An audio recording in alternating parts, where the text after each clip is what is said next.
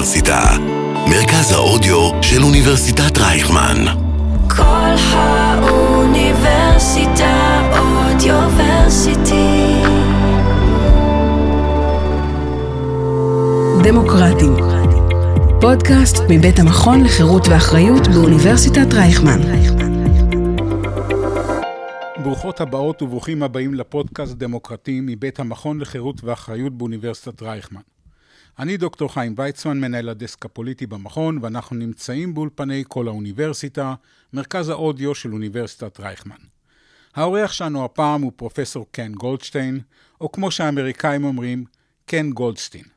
כפי שאתם כבר מבינים, האורח שלנו היום הוא אמריקאי, ולכבודו ננהל את הפרק הזה באנגלית. פרופסור קולד... פרופסור קן גולדשטיין, sorry, served as the Senior Vice President for Survey Research and Institutional Policy at the Association of American Universities. Thank you, Professor Goldstein, for being our guest today. The US is exceptional in public support for Israel, and yet we see overall declining trends in this support. How alarming are these trends? Are they representing overall parallel decline among various groups or a decline among specific demographic or political groups, specifically among younger generations. How can we explain this decline? אז א', תודה על ההזמנה. פעם הבאה אני מבטיח שאני אעשה את הרעיון בעברית. But from now on, we'll do the rest in English, as you said. Thank you. Uh, it, it, it, it's good to be here and good to be uh, and good to be at, uh, at, at Reichman University and good to be in this this building where I've uh, where I've spent some time over the years.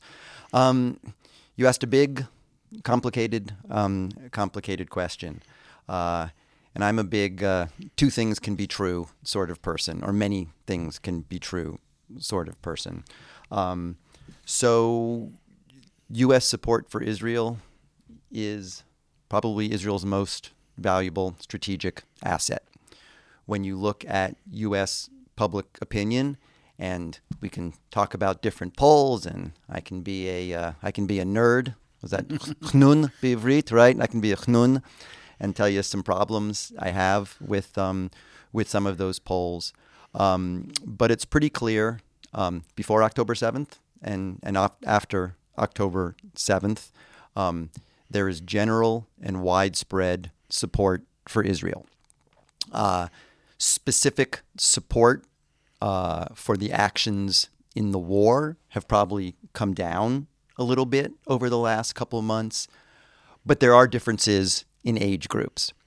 But it's really only a difference in the very youngest uh, youngest age group, which is clearly less supportive of Israel overall and less supportive of Israel's particular military actions in, uh, in, in Gaza. That said, polling young people is technically very difficult, and we do see variance among different polls. And we also, and I'm sure we're going to talk about it, see variance in the answers within one poll that got a lot of attention sure got a lot of attention in Israel because uh, you guys seem to love bad news when it comes to polling. Yeah, we are Jewish. um, what does history teach us? These young people, when they grow older, they become more supportive of Israel, or we see the previous young people support less Israel today? So, um, uh, the great thing about being a historian rather than a political scientist is the historian gets to say what what happened. Which and we both are not. Which we are both not. So, but let's but, but let's let's play his, his, historian for a second. So, so the question you asked is a great question. Is this a uh, is this a uh, a period effect, right? That young people at this particular time or is it a generational effect where as they get older, they're going to retain those those attitudes? So, is this the first time we've been talking about how there's issues on U.S. campuses, and this is the first? Is this the first time we've been talking about how young people are less supportive of Israel? Absolutely not. talking about it for well, at least my forever, as long as I can, as long as I can, as long as I can remember. So we know because we can see the data for older people. So those people who are 55 and older now, 65 and older now, they were once yeah. 18 to 18 to 18 to 24. Um, but I do think it is not automatically going. Attitudes are not automatically going to change as as people as as people age. They may. Um, they also they also may not. There's a couple reasons that one might think that the the, um, uh, the, the there will not be as great a change as as as people age. There, probably, there certainly will be some sort of change, um, but the composition of younger voters. Um, if you look at the demographics of the United States, people who are over 65 now, the population is over 80, 85 percent white people. When you're looking at the population who are younger groups, they are much less religious um, and they are much more racially, racially and eth- eth- ethnically diverse, um, and with some with some uh, with, with, with, with, with some caveats, Israel support tends to be more from people who are more religious. And although Israel has, has, has received great support from some segments of, uh, of, uh, of, of, the black electorate, of black people in the United States. Among young people, there is some evidence that that support might be significantly less and could endure. What are the causes of this decline? Is it reflecting eternal shifts in, in America? Or does Israel have anything it can do about this? So again, uh, I'm going to go back to my standard we two are, things. We are, we are, talking about our hasbara. Your hasbara. yeah, and so and, and of course we've been talking about you know Israel's been talking about hasbara forever, um, and um, uh, uh, you know I'm sure if we you know went back thousands of years, they were sitting around on Shabbat dinners saying that we need better hasbara. Um, because again, in my memory, that's always that, that that that's always been the case that Israel has complained about both how they are portrayed overseas and also have uh, have complained about those people who are speaking speaking for them how they're how they're presenting uh, how they're presenting the country. So listen, um, one part of being a social scientist is we don't believe in single cause explanations. Um, has there been a rise in anti Semitism among some segments of the American public? Yes. Is uh, has support for Israel been wrapped up in other sorts of uh, other sorts of uh, of politics or or, uh, or or ideology in the United States, where it's colonialist versus not colonialist, oppressed versus oppressor? Yes. So is there some anti Semitism? Yes.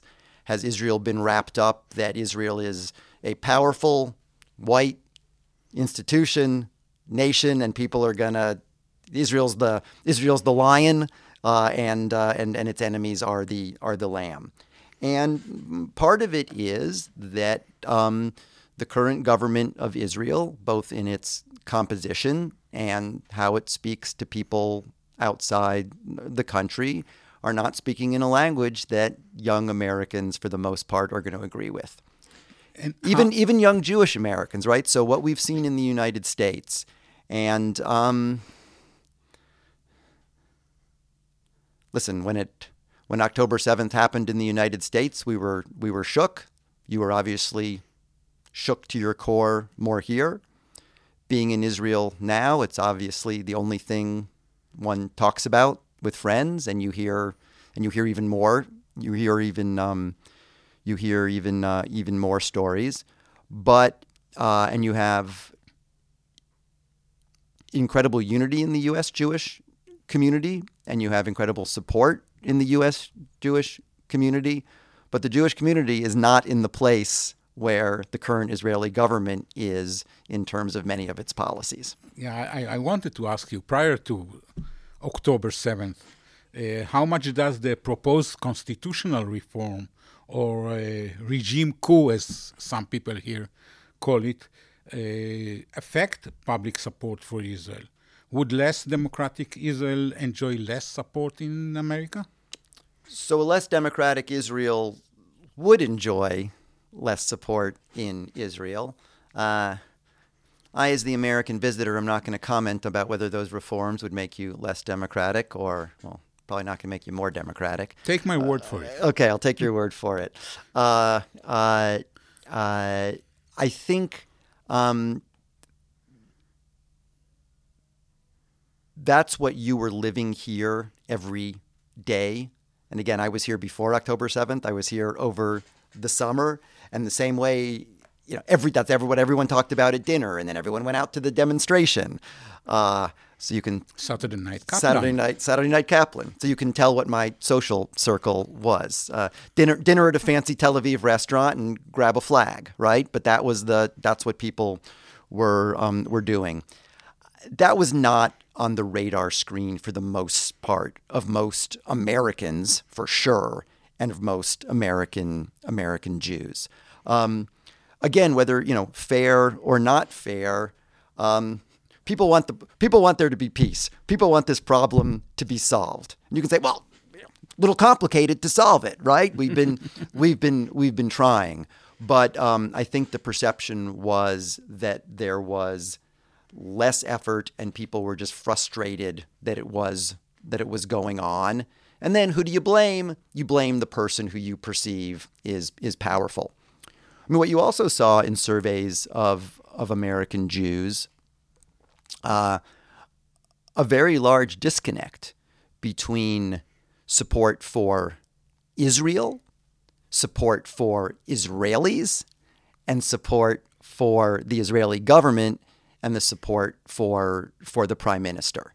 Um, there was certainly uh, a, a, sizable chunk of Americans who were favorable towards President uh, or Prime Minister Netanyahu um, and favorable towards Israel, the Israeli government. There was also a sizable chunk of people, mostly on the younger edge, who were favorable towards Israel, favorable towards Israelis, but were less favorable towards the current government and uh, and the current prime minister. Does it have to do with uh, Netanyahu's intervening in American political politics play?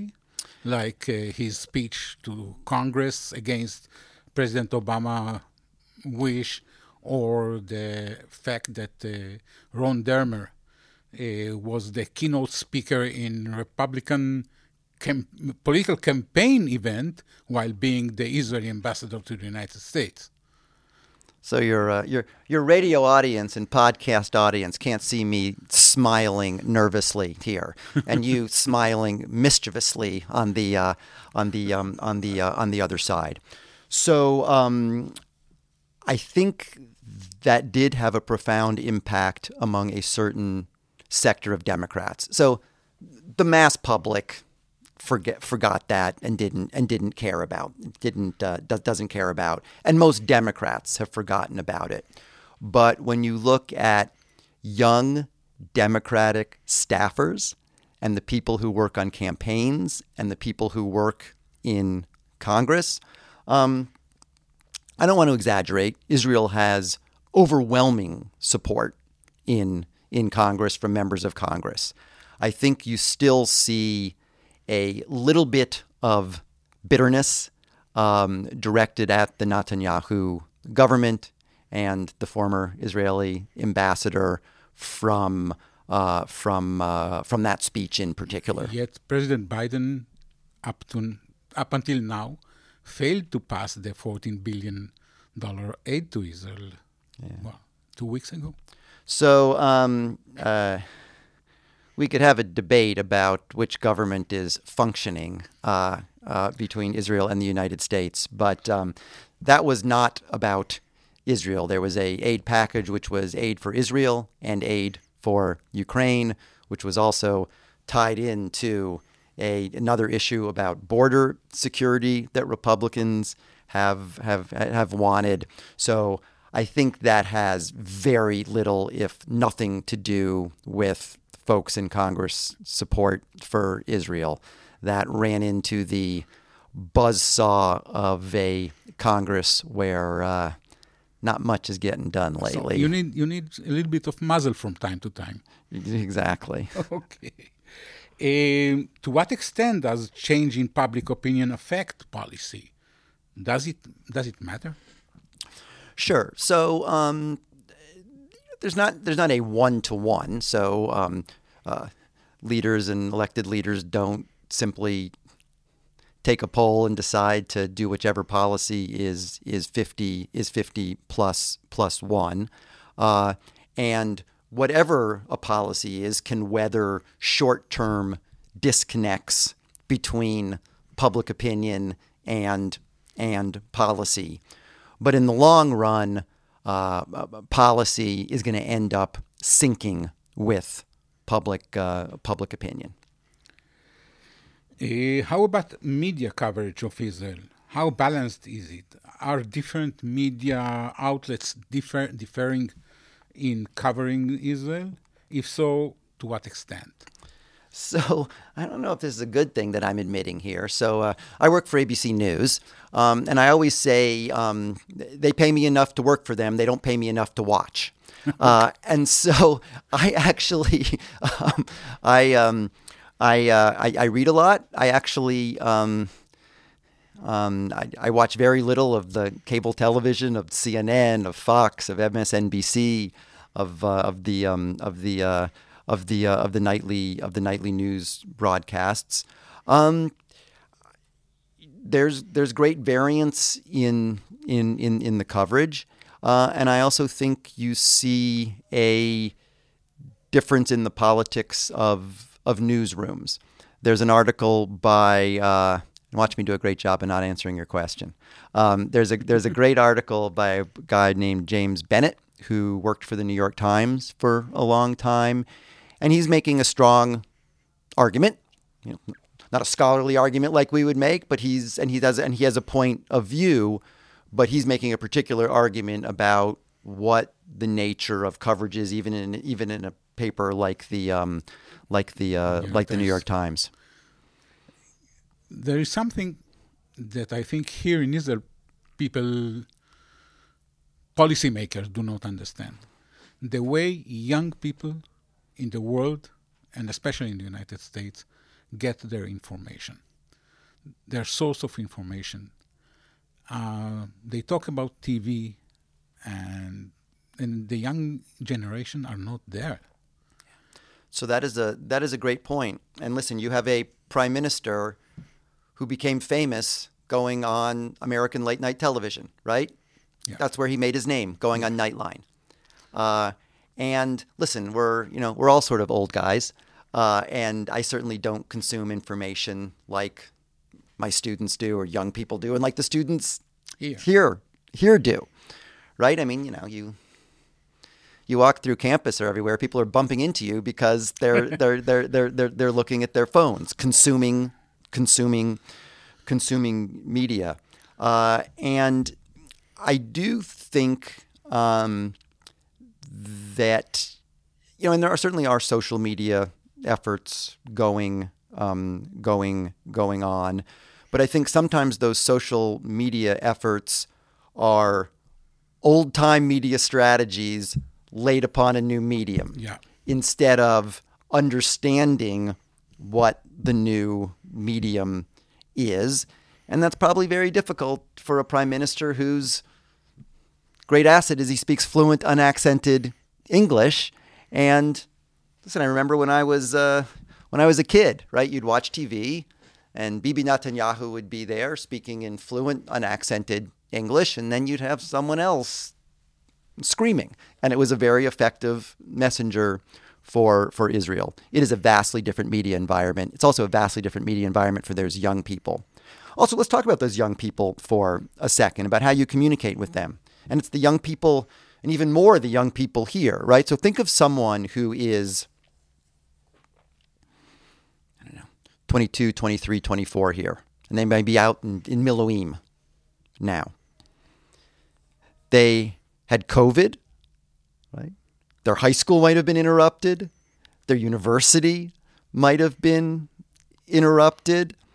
Uh, we know the both university is now interrupted. universities now in, in, interrupted. October seventh, you know, w- war.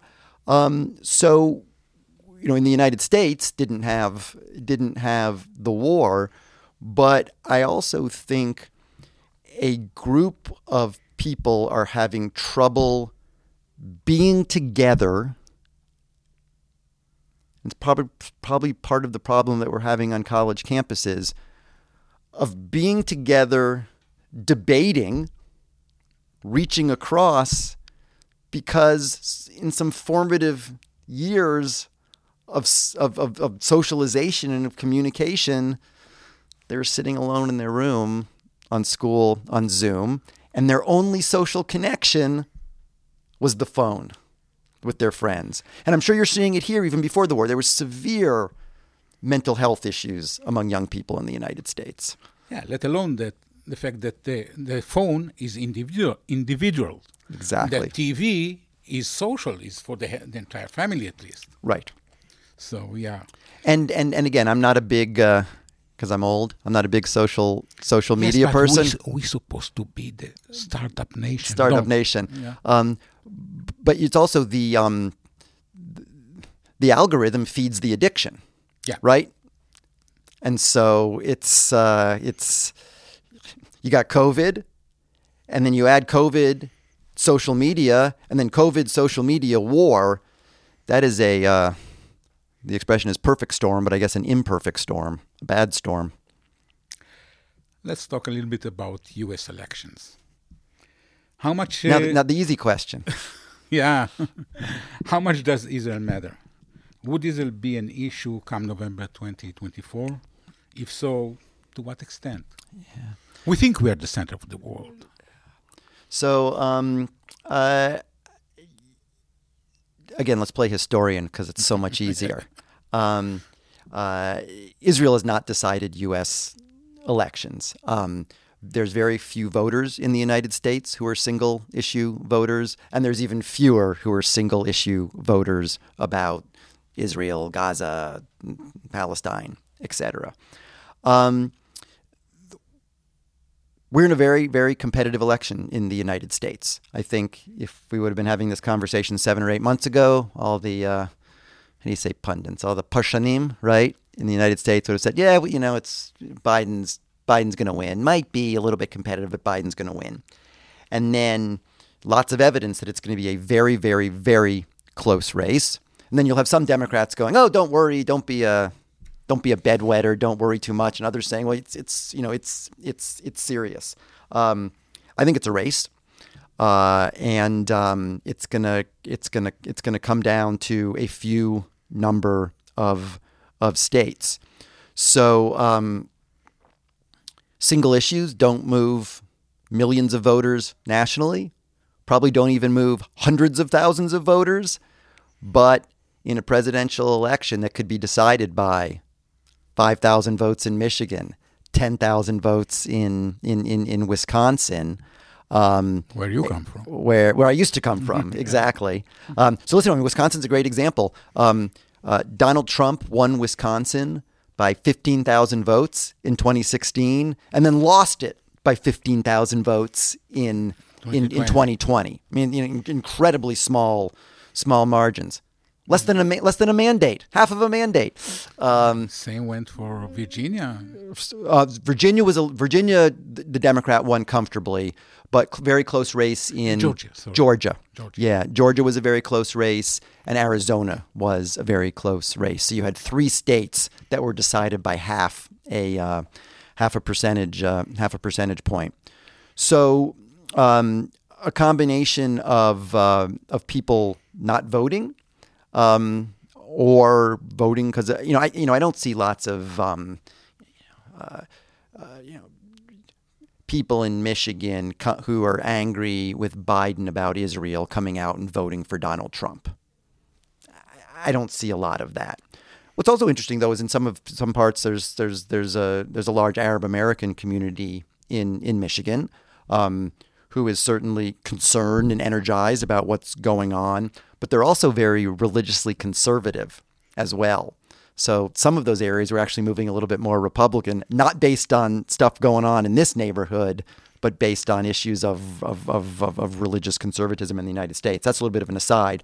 But um, you know, typically, I would say a single issue isn't going to decide it. That single issue isn't going to be Israel, but we are in a phenomenally competitive environment where this presidential election could be decided by 10, 15, 20,000 votes, even less in a couple in a couple states. I think it would be more on turnout being affected than by people voting for a different side. Uh, turnout is the name of the game. Yeah, no, turnout is the name of the game. It's um, uh, it's important, but turnout is minus one. Persuasion is minus two, right? Because someone doesn't vote, you get one less. But if they Yeah. go to the other side, it's it's um, it's double. Now, there's also a school of thought that um, uh, give you some boring political science here, right? You get these you get these big debates. Is it is it is it turnout or is it performance? And my answer is always yes. okay, because it both. is because it is it, it's it's um it's uh it's uh it's both.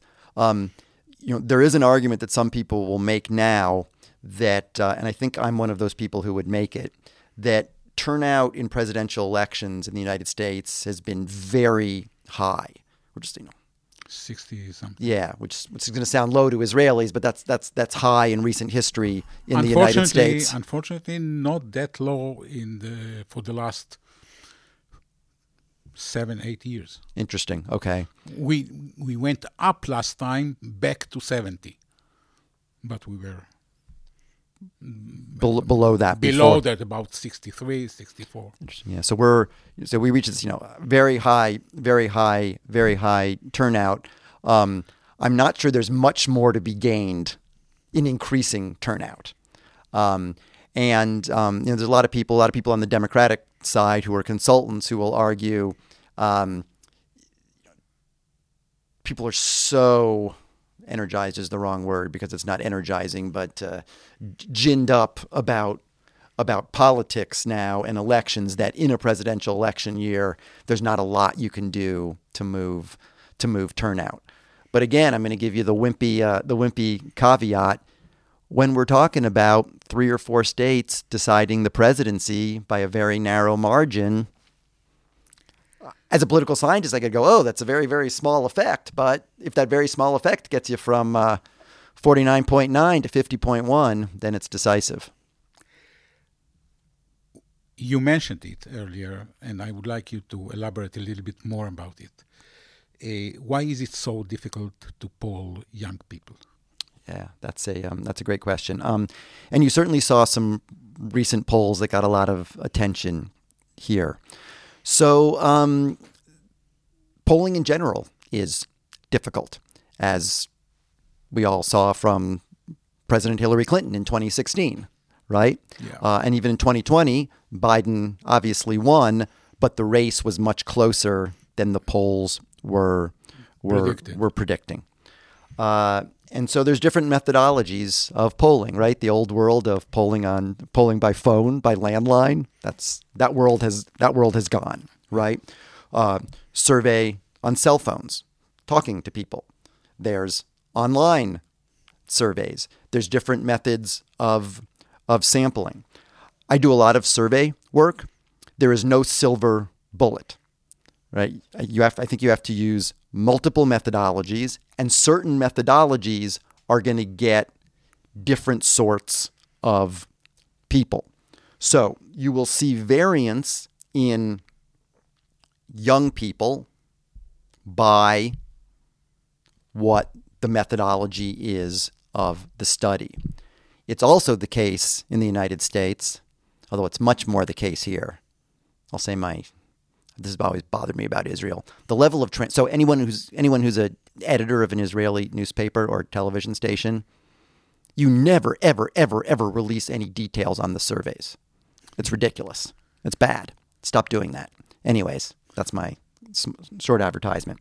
Um, but also in the United States, sometimes you don't have detailed methodological uh, understanding of what happened. It's very hard to get young people to do to do surveys. So, the young people you're getting, what sort of young people are they? Are they you know, very connected, very you know interested in politics, or you know, or what's or what's going on? And then the other, and this is a little bit technical, surveys are weighted for a general population. So surveys here, right? You do a population of Israel and you know some things about the demographics and you didn't get enough people from the north or enough people from the south or enough people who are religious or enough people who are not religious, whatever the case is, and you know what those percentages of the population should be, so you push them up or you push them down. We do the same in the United States. I know the number of white people. I know the number of people of certain ages. I know the number of people who have a college education. I know the number of people who people who don't have a college education. So I can I can weight the numbers. But when I do that, I'm doing that for the study as a whole. And then someone comes and says, "Hey, you just did a study of, you know, 2000 people. That's a lot. Nice. That's a yeah. that's a large large large study. I bet most of the surveys here are like 500. Okay. Yes, not ours, but yes. Okay, good. Not yours. Yours are good. Yours are transparent. Um, uh, but you know, typical study in the United States, like this New York Times study last week, was a thousand people. Okay. Designed to say something about the U.S. population as a whole, and then suddenly you pull out 130 young people, okay. and it might actually not even be 130 young people because they might have weighted up that that number. And then, sorry to be such a chnun, the other thing that's going on is the composition of those young people might not be what the actual composition of that young people is by education, by race, by ethnicity. So, small sample size, so they're very noisy, weighted for overall, and what we really need is studies that are designed to be representative of particular young groups. For the specific segment of yeah. the population. וזה למה אני לא עושה זה בעברית, כי אין לי מושג איך להסביר את זה בעברית. So, sorry to your listeners. Okay, now they understand. uh, so, university campuses, you don't think it's it's real what is going on there? No, I don't want to say I don't think what what what's real. I think um, are, are, university campuses biased? Um, so listen, university campuses are not on fire, right? I think um, uh, I uh, I talk with university leaders a lot. I visit university campuses a lot, um, and there I think there's this notion if you were uh, if you were uh, sitting here in Israel watching the TV that every single U.S. campus is walking through huge demonstrations all all the time. And according to the New York Times, it is. So I, there was a New York Times article today, I think, which uh, which greatly exaggerated what's um, what's what's going on. You have smaller groups of very energized people on campus. Um, I think some campuses are hotter than others. Um, it's not a question I can answer how individual students are feeling about their own safety and and and and security. But I don't want to be uh, too glib or too sarcastic. But I spent a lot of time the last couple months on college campuses, and your regular student on a U.S. college campus still cares about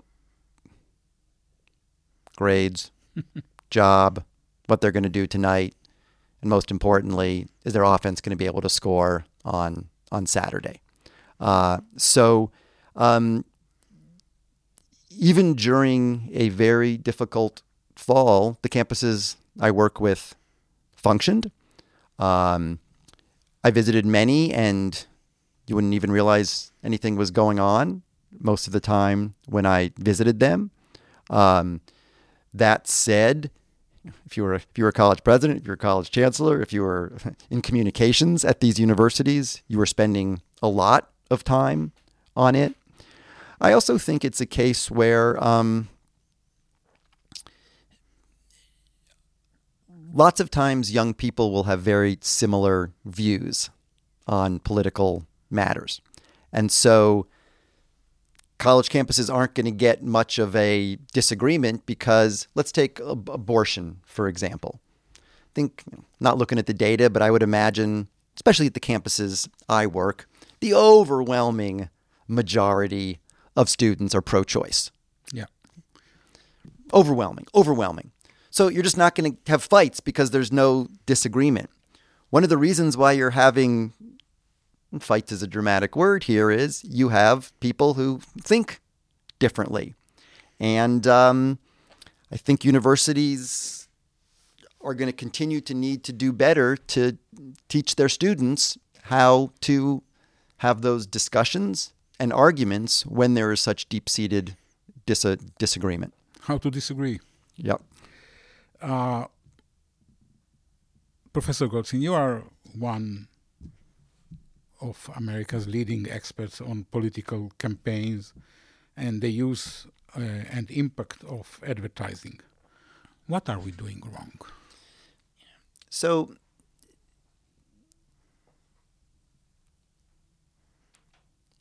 it's a substantive question and it's a and it's a and it's a marketing question. Um, uh, I don't live here. I don't vote here. I didn't serve in the army. My kids don't don't don't don't live here. So I'm always very very careful about giving substantive advice about what you should about what you should do here. Um, what I will say objectively is um, some of the policies and some of the faces of the current Israeli government aren't doing you favors in the United States. So that's substantively. Now, do you got a marketing problem? Yes.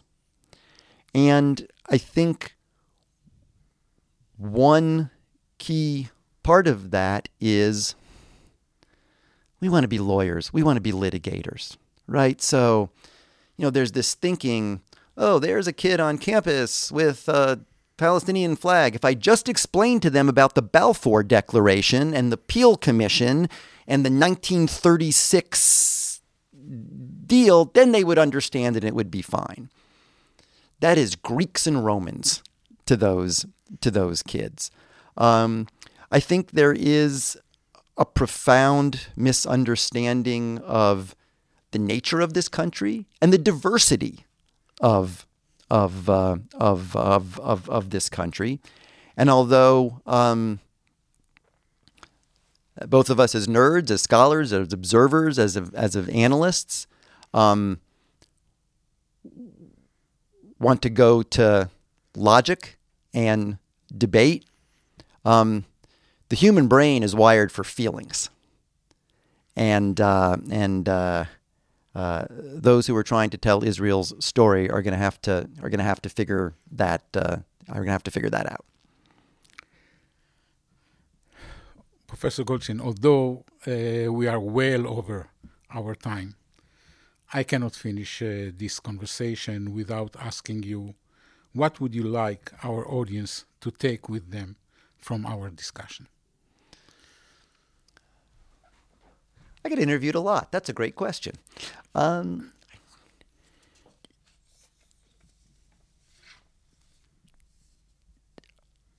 during my you know during my time here the last week, it's been amazing to connect with friends, and uh, uh, this conversation we had on the podcast. Listen, uh, every meal in Israel is a podcast, right? And yeah. so um, I, I've, I've had good practice for your for your questions because I've been answering them from every breakfast, lunch, and and, and dinner with my friends uh, from the uh, from, from from the last week. I think it's very important that Israelis understand. Um, I am not discounting the anti Semitism and the anti Zionism and the anti Israel activity that's happening, some in the United States and certainly more in Europe and, and, and, and other countries. Anti Semitism isn't a get out of jail free card, right? Okay. Just because everybody hates you unfairly doesn't mean you get to do whatever you want. So let's have our uh, let's have our eyes wide open. And I don't think I'm naive, um, but let's be smart. Thank you very much, Professor Goldstein, Senior Vice President for Survey Research and Institutional Policy at the Association of American Universities, for, to, uh, for taking the time to talk to us today. I would like to thank Kol HaUniversita, Reichman University's Audio Center. Thank you all for being with us. You can find us on all possible apps Spotify, Apple Podcast, YouTube, and on the Institute for Liberty and Responsibilities website. Take care and be good to one another.